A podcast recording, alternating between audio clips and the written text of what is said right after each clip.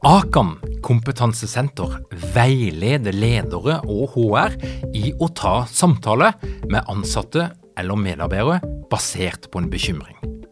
Akan setter ledere og medarbeidere i stand til å forebygge og håndtere en problematisk bruk av alkohol, narkotika, legemidler, spill eller doping blant ansatte. Ønsker du å lære mer om god forebygging og gjennomføring av samtale med en som du er bekymra for? Da kan du nå få tilgang på Akan sitt digitale samtalekurs til spesialpris, kun 760 kroner. Målet med kurset er å gjøre deg tryggere i det som kan være en krevende, men viktig samtale å ta i lederrollen. Du får tilgang til kurset med å gå til samtalekurs.no, samtalekurs.no, og bruke kampanjekoden LEDERPODDEN. Tilbudet gjelder ut april. Kjære lytter. Jeg trenger de hjelp. For akkurat nå sitter vi og pønsker på hvilken vei Lederpodden skal gå videre inn i framtida. Og for å ta gode beslutninger, så vil vi veldig gjerne vite mer om deg som hører på podkasten, og vi vil høre på dine meninger om hva som funker bra, og hva som kan bli bedre. Jeg håper derfor du vil bruke fem minutter på å svare på noen relativt kjedelige spørsmål men som er veldig viktig informasjon for oss. Og de her spørsmålene finner du på lederpodden.no, lederpodden.no. Vær så snill og fortell oss litt om hvem du er og hva du mener for noe, så skal vi love at vi skal gjøre vårt beste for å gjøre podkasten enda bedre for deg inn i framtida. På forhånd, tusen takk.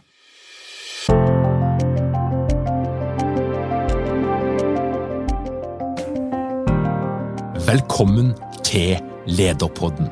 Mitt navn er Tor Åge Eikerapen. Jeg jobber som organisasjonspsykolog, og dette her er en podkast om ledelse.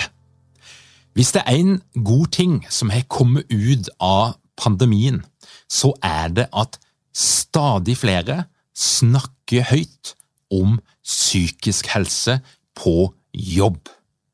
Tidligere så har dette her vært et av mine minst populære foredrag. Nå er det i ferd med å endre seg, og vi ser at store konsern, små selskaper, eh, andre aktører markerer psykisk helse på jobb og prøver å ta noen initiativ for at vi skal snakke mer om hvordan vi kan forebygge psykisk uhelse, hvordan vi kan møte psykisk uhelse på jobb. Og I dagens episode så vil jeg gi deg, som er leder eller HR-medarbeider, noen innspill, noen perspektiver, kanskje noen verktøy på hvordan du best mulig kan møte psykisk helse og psykisk uhelse på din arbeidsplass. Hvordan kan du forebygge, og hvordan kan du best mulig følge opp dine medarbeidere som sliter med ting som relateres til psykisk helse? Det er det vi skal snakke om i dag. Og vi må begynne litt med begynnelsen. Og det er jo å definere noen bokser her. Psykisk helse, vi prøver jo å få det inn i noen bokser, det er jo det diagnose og diagnostisering handler om, og så er det ikke alltid at de boksene er like hensiktsmessige. En diagnose kan lett skape forvirring og, og desinformasjon, eh, heller enn å være klargjørende. Men jeg skal prøve å skissere opp litt om hva er det egentlig vi snakker om her. For det er jo mye fint prat om psykisk helse, men av og til blir det litt upresist, og jeg kan få følelsen av at det er et litt sånn pliktløp. Dette må vi snakke om, dette er viktig, og så er det veldig varierende hva folk egentlig legger i det. Men la oss gå til statistikken og kikke. Det Nav sin statistikk forteller oss, og det har vært relativt stabil siden begynnelsen av 2000-tallet, det er at 20 av alt sykefravær i norske virksomheter som, kommer, altså som er meldt gjennom lege, 20% skyldes lettere eller moderate psykiske helseplager. En ganske stor andel, og den øker, ikke dramatisk. eh, og Nå har ikke jeg sett tallene som, som er eh, fra det siste året, de er ikke greid å finne, men, men, men det øker litt sånn fra år til år. Eh, og, og det er en såpass stor del at dette her er jo noe virkelig en skal ta på alvor. Sykefravær det representerer en stor utgift, det representerer en stor belastning for de som er sykmeldt, så dette her er det gode grunner til å ha et fokus på. Men hva er det vi snakker om? Jo, når vi snakker om lettere og moderate psykiske helseplager, så er det tre eh, diagnosekategorier. Det er angst, det er depresjon, og det er utbrenthet. Og så skal jeg love deg at det er ikke alltid de her kategoriene er like lette å skille, og av og til så kan vi rett og slett ha full pakke, alt på en gang. Men for å skille det litt da, ifra det mer alvorlige, så er det andre typer diagnoser, sånn som bipolar lidelse, schizofreni, personlighetsforstyrrelse. ADHD er en litt annen eh, kategori. Det er ikke en psykisk lidelse, men kaller det for en utviklingsforstyrrelse, så det er noe litt annet. Eh, selv om det òg kan for så vidt handle om, om, psykisk helse, så er det noe litt annet. Men eh, det som har skjedd de siste årene, som er fantastisk, og som det er all grunn til å feire, det er jo at eh, det har endra seg hvordan vi ser på dette her. For selv om ikke jeg skal snakke så mye om de tyngre diagnosene, så er det sånn at det er ikke så mange år tilbake. Hvis du fikk en av de her diagnosene tidlig i livet, så ville du veldig fort få beskjed av en psykiater eller en annen type spesialist om at Dine muligheter i arbeidslivet er begrensa. Dine muligheter til å stifte familie og inngå relasjoner er begrensa. Du vil rett og slett møte en sånn deterministisk holdning om at hvis du eh, tilfredsstiller de her diagnosekriteriene som noen har pønska ut, ja, da er løpet kjørt. Sånn har folk holdt på i psykiatrien, legestanden, psykologene. Vi har rett og slett gitt folk en, en, en begrensa dødsdom på bakgrunn av en diagnose, eh, hvilket vi i dag vet er fullstendig feil. Og takket være noen heltmodige mennesker eh, som har gått foran og vist vei og, og, bevist at det er faktisk ikke sånn. Det er sånn at du kan få en alvorlig diagnose på et tidspunkt i livet, men det betyr ikke at siste ord er sagt, og at de løyper er lagt i det hele tatt. Og Da må jeg få lov til å trekke fram noen personer. Psykologspesialist Arnhild Laueng. Hun har gjort en fantastisk jobb med å synliggjøre at ja, det er mulig å ha en alvorlig schizofrenidiagnose, det er mulig å jobbe med det, og det er mulig å ha et ekstremt høyt funksjonsnivå. Eh, eh, og løpet er ikke kjørt på noen som helst slags måte. Helt utrolig. Cecilie Kåss Furuseth, advokat Stig Beck, som var i Dagens Næringsliv for ikke så veldig lenge siden, de har gitt et ansikt til bipolar lidelse, og det kan være for noe. Hvordan det funker for de, hvordan de håndterer det. Folk som altså presterer, gjør en fantastisk jobb, og som eh, i tillegg må håndtere en, en, en, lidelse. Men de har gitt det et ansikt, og de har vist at dette her går det òg an å leve med. ADHD, som altså ikke er en psykisk lidelse, det kalles en utviklingsforstyrrelse. Eh, der er det jo utrolig mange velfungerende mennesker som har gitt det et ansikt. Og Jeg så nettopp en artikkel om gründer med ADHD, som brukte ADHD-en eh, egentlig som et, et middel for å få ting til å få ting gjort. Altså Energinivået, graden av initiativ, gjorde at de fikk en fordel som gründere. Og jeg vil vel si at Herman Flesvig er den som kanskje eh, på en eh, aller best måte har greid å gi et ansikt til, til hva, hva kan det være for noe. Og så er det jo viktig å si at en diagnose er ikke en diagnose. Folk opplever det svært ulikt graden av fungering er svært ulik. Så selv om noen eh, har greid å, å, få eh, noen gode historier ut av sin diagnose, eller at det har blitt en, en, en, bra ende på det, eller at de håndterer det på en god måte, så er det selvfølgelig ikke sånn for alle. Og det betyr heller ikke at alle kan det. Men la oss dra tilbake igjen til de diagnosene som du oftest møter på som leder, som kollega, angst, utbrenthet og depresjon. Jeg skal prøve å tegne et lite bilde av hva er likheten, og hva er forskjellen?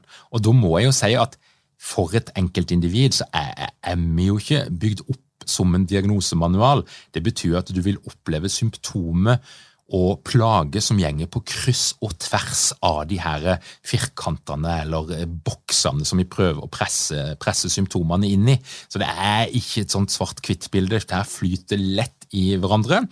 Og du kan ikke komme til noen for det om de har fått eh, diagnose sånn og sånn, så skal du forvente at de skal være på en viss måte for det du leste et sted, eller du har møtt noen andre. Altså, folk opplever dette her svært forskjellig, og diagnosene er jo bare et forsøk på å systematisere noe som egentlig er ganske usystematisk. Vi prøver å lage noen kategorier, for vi vil jo så gjerne ha litt system her i verden, og Diagnosene kan være et hjelpemiddel til å få bedre hjelp, til å forstå litt av sykdomsforløpet eh, og hva som, som, funker for å få det bedre, men, men, det er jo ikke alltid sånn. Av og til så kan diagnosen fungere som et stempel som gjør at du føler deg stigmatisert. At du føler deg utenfor, og av og til kan det gi deg en god forklaring på noe som ikke du har skjønt. Hvorfor har det sånn som jeg har? Hva er dette her for noe? Så det er både fordeler og bakdeler med diagnose, men la oss begynne med angst. Angst er jo en naturlig mekanisme som vi alle har i oss. Altså Det er fornuftig å bli redd når du ser at det er en, en trailer som kjører mot deg i 120 km i timen. Det er naturlig å kjenne litt at du er litt redd når du tar opp et huslån som du ikke er sikker på om du kommer til å klare å håndtere. Og det er mange situasjoner i livet der angstfølelsen, frykten, er på sin plass. Men når vi snakker om angst i denne sammenhengen her, så snakker vi jo om en veldig kroppslig fryktreaksjon som vi ofte ikke klarer å relatere til noe spesielt. Altså, Noen har fobier og den type angst, men når vi snakker om den angsten som det er mest av på sykemeldingssedlene, så er det jo ofte den generaliserte angsten, GAD, som altså handler om en kroppslig uro, en fryktreaksjon, men som ikke knytter seg til en spesiell hendelse eller noe som du kan peke ut, men du er bare aktivert, og det er veldig fysisk. Og For noen så gir det seg utslag i at du svetter om natta, du er så urolig at du fær ikke sove, og det er altså som å være i en konstant fryktreaksjon, men, men, men bare at når vi er det til vanlig, så synker jo denne aktiveringa ned igjen på et greit nivå, mens når du har angst, så er du da aktivert store deler av døgnet, og det er slitsomt for kroppen. Og Det gjør òg at det er vanskelig å konsentrere seg. Det er ofte vanskelig å, å tenke klare tanker, for denne uroen preger hele systemet vårt og til litt sånn å, å kapre oppmerksomheten vår. Det er vanskelig å, å konsentrere seg dypt på andre ting hvis hele kroppen din er urolig, og du vet ikke hvordan du skal kunne ro ned, eh, og du, du vet heller ikke hva du skal fjerne ifra livet ditt for å få det bedre. Så angst, eh, hvis jeg skal enkelt forklare hva det er for noe, så er det altså en, en kroppslig uro som kan være intens og være veldig sterk, men som ikke du klarer å relatere til noe veldig konkret. Um, Kirkegård uh, snakker jo om dette her, altså angsten er frykten for ingenting. Og så kan vi snakke om eksistensiell angst og mange typer angst, men sånn i utgangspunktet, litt forenkla, en kroppslig uro som er eh, på sitt verste intens og vond, og som okkuperer det. Og som selvfølgelig òg gjør at det kan være vanskelig å fungere på jobb. Eh, det, at det, krever så mye energi, det krever så mye oppmerksomhet, denne her angsten, at det å skulle konsentrere seg om andre ting, det å skulle fremstå som glad, imøtekommende, serviceinnstilt, eh, kreativ. Det tror jeg er veldig, veldig vanskelig hvis du virkelig eh, har fått angst og, og det sitter godt i det. Og så er det noen som vil si at distraksjoner er bra, og det å gjøre noe annet og tenke på noe annet kan være veldig bra. Altså, hvis du hele tida har tid til å fokusere på angsten, så, så blir det bare en, en ond spiral. Så det er mange tilnærming til dette her. Eh, veldig få fasiter, og folk opplever det forskjellig, men i utgangspunktet noe som krever mye mentalt og fysisk, og som du, selv om du skulle ønske det, så klarer du altså ikke å slå det av. Depresjon, det er jo eh, kanskje halvbroren eller eh, fetteren, eh, og av og til broren eller søstera til angsten. Eh, de har jo en tendens til å dukke opp i par, men rent diagnosemessig så, så skiller det da fra hverandre.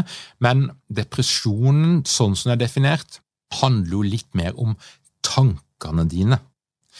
Så det eh, angsten om det kroppslige, depresjonen om tankene dine triste tanker, negative tanker om deg sjøl, om fortida, om framtida, om nåtida, og du har på deg noen briller som ser verden med noen særdeles grå filter der det er eh, vanskelig å bli glad, selv om, du, eh, selv om alle dine sånn materielle drømmer skulle bli oppfylt. Å, du fikk den bilen, eller du fikk den baden det måtte være for noe, eh, og, og andre ting altså, som du ønska deg. Selv om det skjedde, full julaften for voksne, så gjør det ingenting med humøret ditt. Du klarer ikke å kjenne på glede, du klarer ikke å glede deg til noe, du klarer ikke å se det lyse du er omgitt av, selv om du har det veldig tett innpå deg. Og det er akkurat som det er ingenting av det som skjer utenfor deg sjøl, som kan påvirke deg eller gjøre en positiv forskjell. Og depresjonen, eh, der er det jo òg eh, mange som har prøvd seg å kurere det med å si 'skjerp deg', ta deg sammen. Men det er jo nettopp det som er problemet når vi snakker om psykisk uhelse, at du klarer ikke sjøl å gjøre noe med det. Du føler deg maktesløs, du føler at du mister kontroll, at depresjonen flytter inn i deg. Og det er en håpløs situasjon å være i. Og Hvis du da kombinerer det med angst, så er det klart det er i en del jobber der det er vanskelig å fungere optimalt. Det betyr ikke at ikke du kan gjøre noe som helst, men, men, det er vanskelig å fungere optimalt hvis du kjenner på, på, både den kroppslige uroen og de depressive tankene, og dette her ligger, ligger veldig tett på deg, så, så er det utfordrende å fungere optimalt i en del jobber. Men igjen, det finnes massevis eksempler på folk som klarer å håndtere det på en måte òg. Men, men, eh, og det kommer an på hvilken type jobb du har, hvilke krav det er, eh, mange hensyn å ta, men i utgangspunktet, hvis du har liksom sterk angst og sterk depresjon, enten sammen eller hver for seg, så vil jeg tenke at mange typer jobber er det vanskelig å fungere ordentlig. Spesielt hvis det handler om at du skal tenke, du skal kommunisere med andre, du skal framstå på en viss måte. Det kan være krevende. Eksempel å være eh, motiverende foredragsholder samtidig som du kjenner på en angst som holder på å spise deg opp, og du er deprimert og egentlig eh, syns at alt er trist og leit, og det finnes ikke et snev av motivasjon i deg sjøl, ja, da skal jeg love deg at det er ikke den beste jobben å ha i det hele tatt. Den siste kategorien, utbrenthet. Relativt ny som eh, diagnose, men eh, et begrep som vi forholdt oss til, til lenge, og som mange er sikkert kjent med. Og, og, Det er jo en rar ting, for at eh, vi snakker jo da ofte om å gå på en smell og møte en lettvegg. Vi har massevis av sånn folkelige begreper for å, å ta litt brodden av det alvoret som ligger i dette her. Og Det er nok sånn at det er mer sosialt akseptabelt å være utbrent enn deprimert og engstelig. For Hvis vi er utbrent, så ligger det implisitt en idé om at vi kan koble mot jobb, og at det er liksom noe litt utenfor oss sjøl som har skylda. Og da er det ofte lett lettere å prate om det. Så det er, Selv om du egentlig er deprimert, så er det lettere å si at det er utbrent, for da er du egentlig en veldig flink person som har gjort ditt beste, men så har kravene blitt for høye, og det er ikke noe du kan legge på deg sjøl. Og det er det jo ikke uansett, men, men, det er bare sånn det fungerer. Men utbrenthet er jo noe helt spesifikt, og, og min opplevelse er jo at jeg, jeg er nok kanskje blitt overraska noen ganger opp igjennom når jeg har møtt folk som er virkelig utbrente, for det er eh, noe vesentlig annerledes enn angst og depresjon, selv om det, kan, det ene kan føre til det andre, og, og, og, det kan være symptomer som forekommer samtidig, så er jo utbrenthet den herre tappaheten for energi. Mange føler seg jo emosjonelt utbrent. De kan føle at de blir litt kyniske. altså De klarer ikke å håndtere andres følelse, heller ikke egne følelser. Um, og for noen skal det få de, de, noen meget uh, fysiske utslag. Vi driver jo og lager sånn skille mellom det fysiske og det psykiske. Eh, somatiske og det psykiske, men det er litt sånn tull, egentlig. Det går i hverandre. Altså, det er massevis av kroppslige symptomer på psykiske helseplager. Og det er jo ganske mange som har opplevd at den der smerten i ryggen, i skuldra, i magen, egentlig handler om noe psykisk. Så det derre skillet mellom psykisk og fysisk, der det er helt ok å snakke om alt som er fysisk, men veldig skummelt å snakke om alt som er psykisk, det er tullete. Det må vi slutte med. Altså, Kroppen og mennesket, vi er hele. Dette her henger nøye sammen. Men utbrentheten det, det handler jo da om rett og slett en totalt mangel på energi. Og for noen så får det utslag i at de klarer ikke å komme seg opp av, av senga. Eh, noen blir lyssky, eh, noen blir, blir sky for andre ting. Noen kan utvikle hoste og andre kroppslige plager eh, som en, en, respons rett og slett som kroppen gir for å si fra om at hei, nå er det nok her. Så utbrenthet er sånn sett annerledes enn de to andre diagnosene, men enkeltsymptomer kan forekomme samtidig.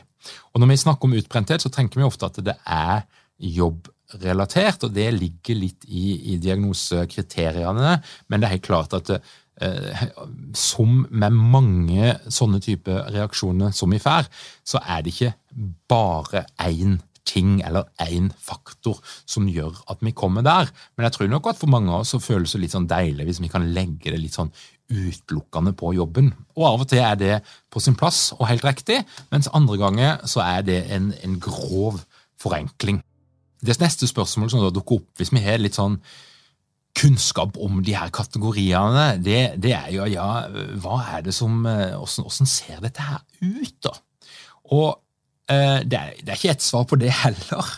Men hvis du som leder tenker at nå skal jeg se litt etter symptomet, eller nå skal jeg forstå litt bedre hvorfor min medarbeider oppfører seg veldig annerledes enn det vedkommende pleier å gjøre, så, så er det jo noen tydelige kjennetegn. Og eh, det starter jo ofte med en, en, reaksjon på stress, så kan altså den reaksjonen utvikle seg til noe litt mer, men, men i bunn og grunn så handler jo eh, veldig mange av de her plagene Det er noe genetisk der, og det er noe med miljø, eh, og, og, det kan være historikk, massevis av faktorer, men det er jo et eller annet med at det blir for mye, da. For kroppen. For hjernen, for den enkelte, så blir det for mye. Og eh, et bilde på det, er jo at det blir for mange stressorer. Noen av de stressorene er synlige og lett å identifisere. Andre er mindre synlige og, og kanskje umulig å se for deg som er leder. Du, du har ikke peiling på hva som beveger seg inni hodet til folk. Så det er ikke sånn at alt er lett å oppdage eller å forholde seg til. Og Det er ikke sikkert du som leder skal gå inn og forstå alt heller, men en vanlig respons på stress. Hvis vi tenker at stress det er noe som kan skje episodisk, altså at du har en episode der du føler deg veldig stressa, litt engstelig, litt redd, og så blir det bedre igjen etterpå, så, så synker aktiveringsnivået ned igjen. Det er jo sånn vi liker å ha det. Men så er det jo av og til vi kommer opp i noen situasjoner der det er vedvarende stress. Vedvarende stress over tid. Og Det trenger ikke bare være én ting. Det kan være mange stressorer som jobber sammen, og som på en måte akkumuleres, så det fylles opp. Og Da vil vi etter hvert få en stressrespons som kan gå over i en av de her diagnosene som vi snakker om. Og Det vi vet, da, det er jo at eh, hvis du er stressa over, over, tid, og det etablerer seg som et sånt kronisk stress, så gjør det jo noe med den fysiske fungeringa di. For noen så er det stive muskler, det kan være svekka immunforsvar, eh, appetitt, kvalme, diaré, altså, puls og pust kan det gjøre noe med, svekka sanseevne, mange ting. Og så vet vi at eh, stress påvirker oss kognitivt. Eh, og det, det kan en merke da når folk blir mm, litt mer av noe enn det de pleier å være.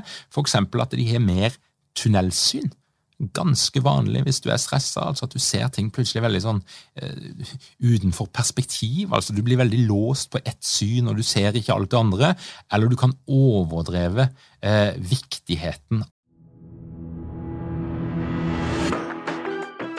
Du ikke mange ledere uten trening eller utdannelse innen ledelse?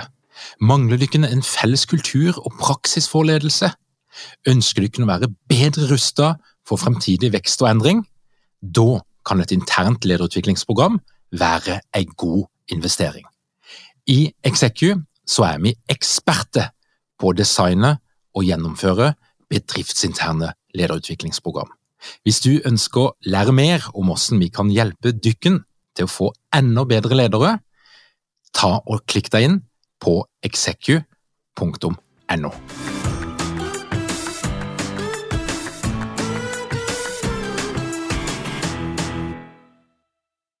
Av et eller annet tema som egentlig ikke er så viktig. Svekka hukommelse er vanlig. Det å prokrastinere, utsette ting mye mer enn det du pleier å gjøre. Dårlig dømmekraft, altså du, du tar risiko som ikke du pleier å ta. Søvnproblemet følger jo eh, som en konsekvens ofte av, av, kronisk stress, langvarig stress.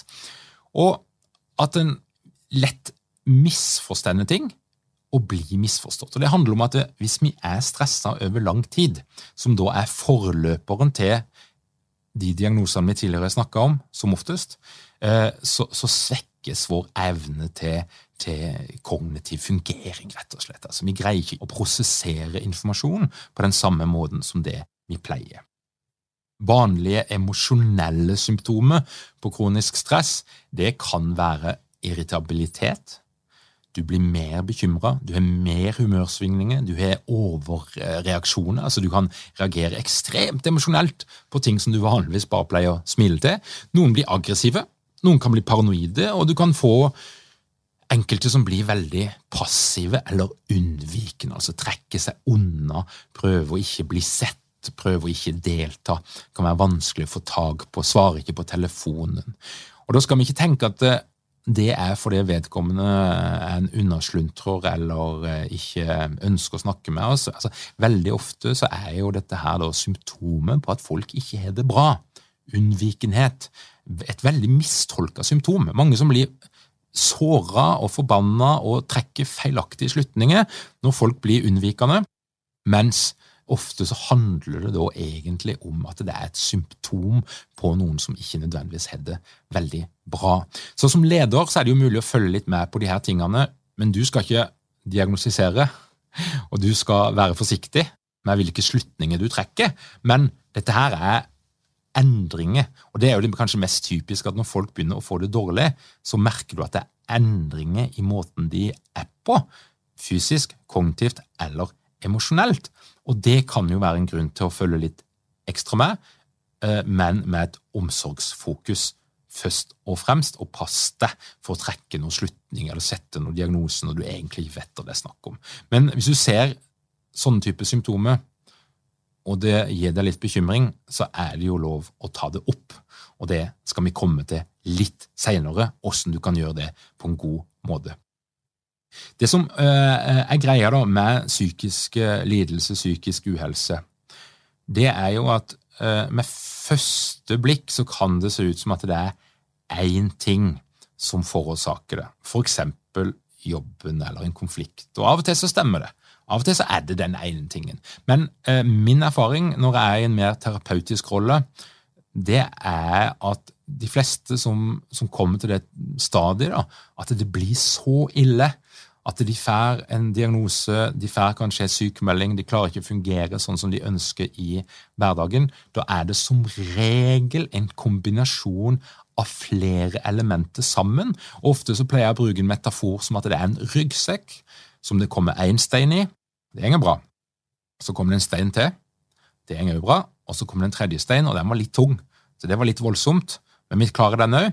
Eh, og så kommer det jammen en stein på topp toppen der. Og For noen så har jo den siste steinen vært pandemien og heimekontoret og alt som følger med.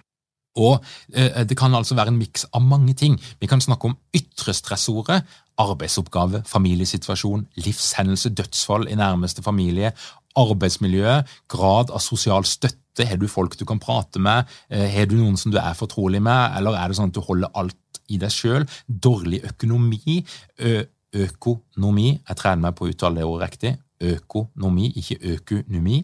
Eh, sjefen kan i seg sjøl være en ytre stressfaktor som er ganske betydelig. Bare sånn at du vet det, sjef. Du kan være en ganske stor stein i den ryggsekken. Eh, og så er vi de indre tingene som ikke er mulig å se. For eksempel, i hvilken grad har du kontakt med dine egne behov? Versus de hensynene du tar til andres behov. Hvilken eh, eh, liksom, følelse av kontroll har du i eget liv? Er det sånn at du føler at alle andre bestemmer hvordan ditt liv skal være, eller sitter du i førersetet sjøl og, og, kan ta litt styringa av og til? Det vet vi at betyr en del, og, og det kan være ganske stor stressord hvis du da føler at du ikke har kontroll i eget liv. Dette her med eh, manglende evne til å prioritere. Klarer du å si nei? Vi vet jo at mennesker som alltid sier ja, ja de har en høyere risiko for å bli utbrent. Eh, og, og, og, tør du å prioritere, eller lever du litt sånn på akkord med deg sjøl, der du hele tida gjenger over noen grenser, noen verdier, så lever du egentlig på en litt annen måte enn det du vet at du vil. Det kan føre til indre stress. Og så er det jo en del ting som er med oss fra fødselen av. Vi har en arv, alle sammen. Vi har noen genetiske forhold som ikke vi styrer over. Vi har personligheten vår, som gjør at vi håndterer livets utfordringer på, på ulikt vis. Og så har vi en relasjonshistorie. Oppvekst. Er det mange avvisninger som du har måttet håndtere opp igjennom? Er det mange som har svikta deg? Blei du sett ordentlig som barn?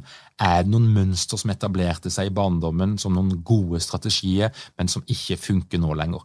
Alt dette her kan være de steinene som fyller opp Eh, og, og, av og til så er det synlige steiner, og av og til er det veldig usynlige steiner som er lett å nedvurdere og, um, og uh, ja, undervurdere viktigheten av. da.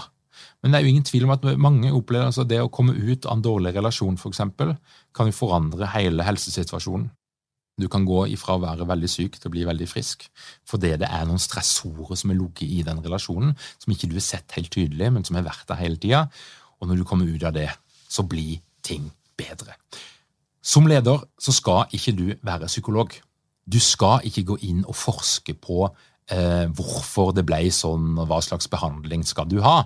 Men det er greit å ha med seg perspektivet. At veldig ofte når vi kommer til et punkt i livet at ting blir veldig vanskelig, og vi ikke klarer å fungere optimalt på jobb, så er det et komplekst bilde, et sammensatt bilde med mange ulike elementer som virker sammen. Og så er det jo sånn at Når vi får det vondt og vanskelig, så vil vi gjerne ha noen enkle historier å putte det på. Ja, det var jobben, og av og til er det jobben.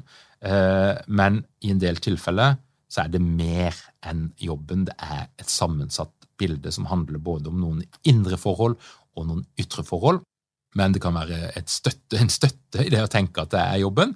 Og, og, som sagt, noen har rett, men av og til må vi, må vi gå litt dypere, og, og, det er mer komplekst. Og så er det da ikke nødvendigvis sjefen, og kanskje ikke sjefen i det hele tatt, som skal ta den jobben med å sortere i dette her, men det er greit å ha med seg perspektivene for å forstå at dette her er som regel kompleks bakgrunn. Så hvis du som sjef leter etter grunnen, hvorfor ble det sånn? Eh, så kan du egentlig droppe den tanken allerede nå. Det spiller ikke så stor rolle. Det som er viktig, det er jo å forstå ok, hvordan kan jeg som arbeidsgiver bidra? Hvordan kan vi bidra positivt her? Det er jo det som skal være ditt fokus. Og noe kan arbeidsgiver gjøre, noe kan den ansatte sjøl gjøre, og noen ting har vi dessverre ikke kontroll på. En måte å, se dette her på, det er jo at uh, det å få en, en uh, psykisk reaksjon som de vi har snakka om, det er jo en ubalanse da, mellom din opplevde kompetanse og de ressursene du føler du sitter på, uh, kapasiteten som du sitter på, og de utfordringene som du får. Og de utfordringene kan jo da være av alle mulige slag. Eh, hvis det er på jobb, så knytter det seg til antall arbeidsoppgaver, miljøet på jobben. det kan være en hel haug å ta her, men, men litt av clouet her er å prøve å finne ut hvordan kan vi da balansere mellom eh, utfordringene og forventningene fra miljøet og det vi opplever som vår egen kapasitet. Da er vi jo inne i Chichent Mihaili sin flytmodell, der vi da prøver å navigere mellom angstsona og den her komfortsona, som er et veldig demotiverende sted å være. Hvordan kan vi få til den perfekte balansen her? For det er jo ingen tvil om at vi må av og til nærme oss angsten litt for å ha det bra. Vi må pushe ting litt, vi må kjenne at det er liksom, nå, blir, nå bryner jeg meg virkelig her. Eh, og det er jo der mestringsopplevelsen ligger, men det er altså når det blir for mye krav i forhold til de ressursene jeg føler jeg sitter på, og når det gjenger for lang tid, at det kan utvikle seg til et problem og psykisk uhelse. Men som leder, hvordan skal du håndtere dette her? Hvordan skal du ta tak? For det første så tenker jeg jo at eh, alle arbeidsplasser har en jobb å gjøre når det gjelder å øke kunnskapen om psykisk helse. Sånn at vi kan snakke litt åpnere om det. For det er jo sånn fremdeles at jeg vil jo mye heller ha brukket beinet på to steder enn å være dypt deprimert. For det er så mye lett lettere å peke på det bruddet i beinet mitt enn å forklare depresjonen. Altså, Jeg blir så ekstremt sårbar når jeg skal forklare min depresjon. Eh, og jeg møter òg veldig lite forståelse, og jeg merker tvert imot at nå er folk redde. Eh, eller dette her blir skummelt for folk å ta tak i, og nå er det noen som begynner å fantasere. Så jeg, eh, Hvis jeg skulle ha valgt da, mellom brukket bein og depresjon, ingen tvil om at jeg hadde valgt bein og arm for så vidt òg, før depresjonen. Og det er jo kjipt at det er sånn, da. Så, så, det er en jobb å gjøre her, og du kan godt klage på åpenhet og at det er altfor mange kjendiser som bruker eh, sin historie som en sånn innsalgsgreie. Helt i orden, klag i vei, du. Men jeg er veldig fornøyd med åpenhet og alle som stender fram og forteller historien sin. For jeg tenker jo at skritt for skritt så gjør det at vi kan snakke om psykisk helse litt mer likt sånn som vi snakker om somatisk helse.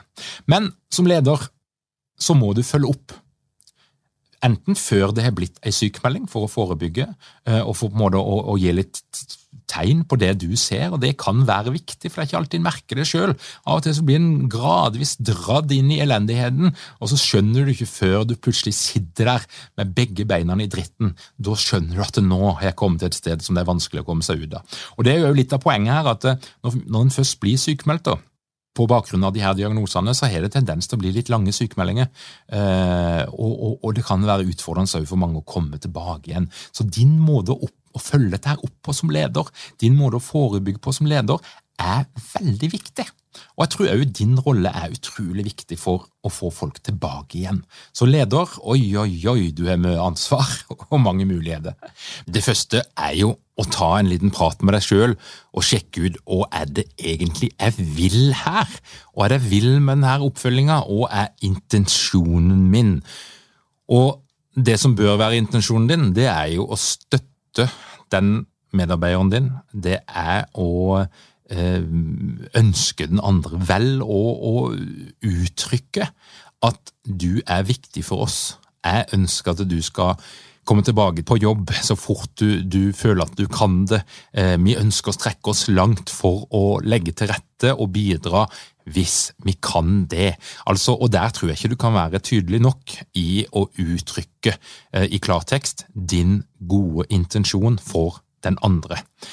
Og det er et skille mellom empati og sympati. Empati handler om eh, en form for medfølelse, der du prøver å sette deg inn i den andre situasjonen, samtidig som du anerkjenner at du egentlig ikke vet helt hvordan det føles, men du skjønner at dette her er krevende. Og sympati det er noe litt annet. Det er når vi blir dratt inn i følelsene og vi begynner nesten å føle det samme som den andre føler. Og Da tenker jeg som en profesjonell leder så er eh, poenget at du skal holde deg på den empatiske sida og ikke gå inn i sympatien der du kjenner på ting og blir berørt og, og dratt inn. Da er det nok vanskeligere å være en god og trygg støtteperson. Og Dette her er jo litt, en litt annen bruk av begrepene enn det vi bruker i, i dagligtalen, så det er helt greit, men, men, det er altså, hvis vi skal gå, være litt psykologiske, så er det et skille mellom empati og sympati. Og du skal ikke være psykolog, du skal ikke være hobbypsykolog. Så det er liksom å prøve å forstå alt som åssen kunne dette her skje, og hva er historien din, og eh, Litt innsikt er, kan jo være greit, men, men, det er ikke din rolle å grave for langt ned i dette her. Og det er heller ikke nødvendigvis din rolle å være for aktiv på forslagsfronten når det kommer til hva skal til for å få det bedre. Det tenker jeg det er lurt å overlate til de profesjonelle, som forhåpentligvis er involvert i dette. her, og, hvis ikke så kan jo du være en bidragsyter eh, kanskje der, eh, til å få, få, noe til å skje. Flere og flere arbeidsgivere har jo òg avtale med psykologkontoret og, og, muligheter der, så det er jo en, en greie. Eh, hvis det er én ferdighet som du får bruk for i samtale med sykmeldte, uansett hva de er sykemeldt for, men kanskje særlig når det knytter seg til psykisk helse, det er din evne til å lytte på et høyt nivå. At du klarer å lytte uten å assosiere til dine historier, dine referanser, hva du vil, men bare være hos den andre og høre det som blir sagt.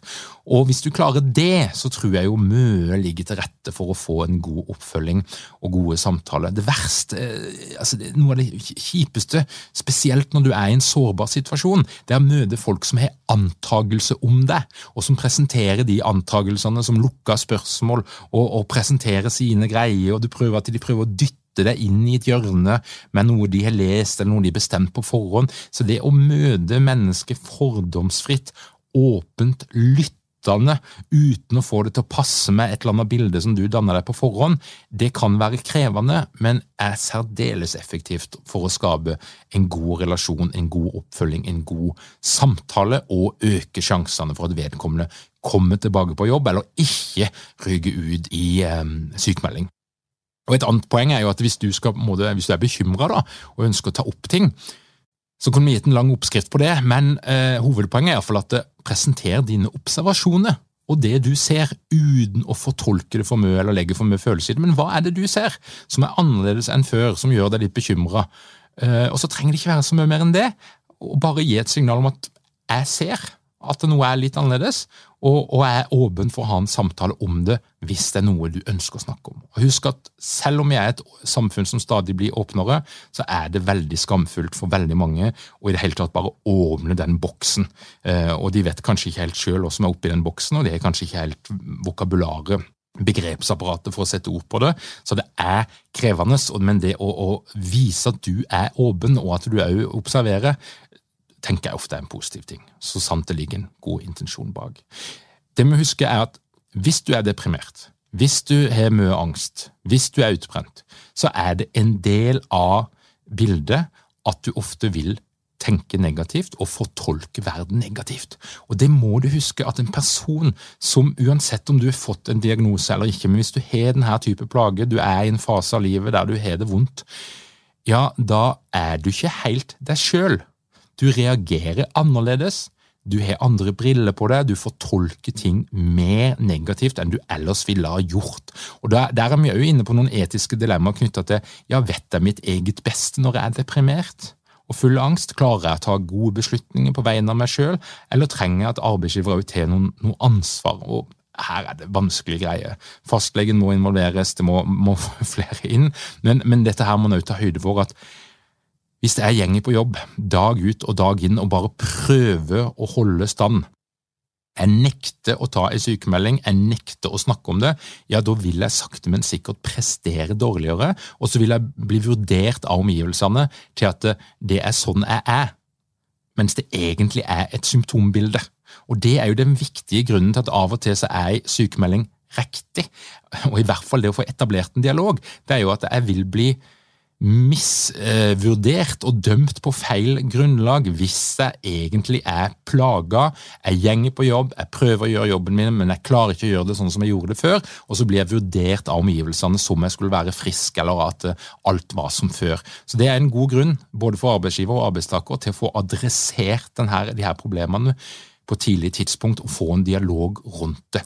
Og i alle de her samtalene, altså, prøv å holde deg unna tolkninger, men Fokuser på det objektive, de faktiske forholdene, eh, og vær tydelig, overtydelig. For det, det, er en tendens, hvis du har det kjipt, så kan vi bli litt paranoide, vi kan bli mistenksomme, vi kan fantasere. og Da må jeg ha tydelighet, forutsigbarhet. Hva snakker vi om i den samtalen? Lag et ordentlig referat, så vi kan bli enige om det. Ehm, vær positiv og gi kjappe tilbakemeldinger, vær ærlig. For hvis du driver med sånn her eh, skjult agenda og du tør ikke helt å fortelle meg hva du tenker, og sånn, så blir det bare verre. Og Hvis det er misforståelse, som det sikkert vil bli, så prøv å rette opp. Og um, at, at vi, vi, vi, prøver ting, eksperimenterer litt med ting. Tiltak, ting som kan gjøre det bedre og kanskje mulig å fungere litt på, på jobb. Dette er et stort tema så du får ikke hele pakka, men jeg prøver å gi deg kanskje noen viktigste punktene i hvordan du kan bidra til å forebygge og håndtere psykisk uhelse hos dine medarbeidere. Og det er jo sånn i livet vårt at det er ingen som slipper unna dette her, selv om du har vært heldig og klart deg godt og du kan strekke strikken din i det uendelige uten at du får noen symptomer eller at det skjer noe med kroppen din eller måten du, du, tenker på, så er det sånn for de fleste av oss at hvis du bare får tilstrekkelig steiner i denne ryggsekken, ja, så vil vi gå i knestående og kanskje i en periode ha problemer med å gjøre jobben vår sånn som vi eh, skal gjøre den. Og så er det jo sånn at vi har vært utbrent eller deprimert eller uh, i, i, andre typer problemer, så tar det ganske lang tid å komme seg ordentlig på beina igjen. Så det er jo en fase etterpå der du er blitt friskmeldt, som òg kan være krevende.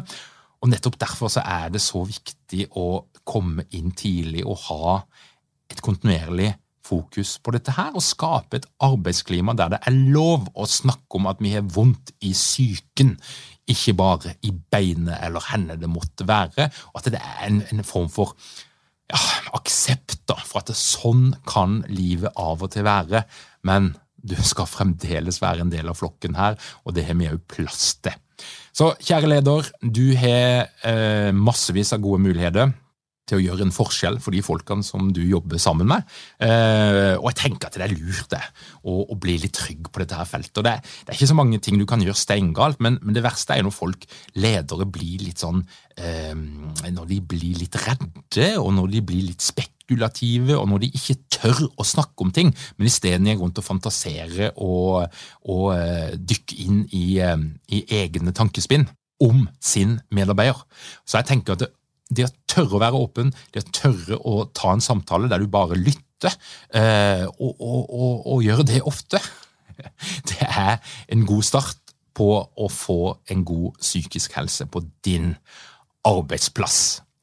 Hvis du kunne ha spørsmål knytta til dette her temaet, så er det lov å sende meg en e-post, og jeg skal prøve å svare. og Jeg kan også plukke opp igjen tema, for jeg vet det er mange som har mange spørsmål rundt dette. her, og Jeg har bare besvart eh, litt av dette her og skrapt litt på overflaten. Men ta kontakt, så skal jeg etter beste evne prøve å formidle noe mer eh, rundt dette her utrolig viktige temaet.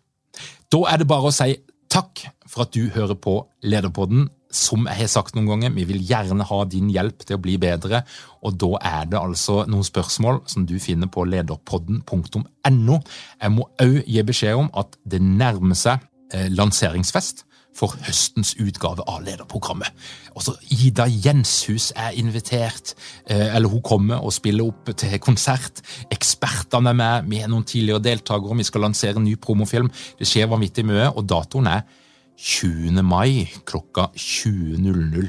Så snart kommer det en mulighet for å melde seg på på lederprogrammet.no. Men det er altså eh, veldig snart, og selve programmet starter i september. Men påmeldinga åpner 20. mai, og vi har allerede fått folk som stender på venteliste, så her blir det en utrolig gøy fest. Vil du holde deg oppdatert på alt vi holder på med, da legger du igjen e-postadressen din på lederpodden.no. Og hvis du ønsker å svare på spørsmål, så kan du gjøre begge deler samtidig på lederpodden.no. Da vil jeg ønske deg ei veldig god uke, og igjen, tusen takk for at du hører på Lederpodden.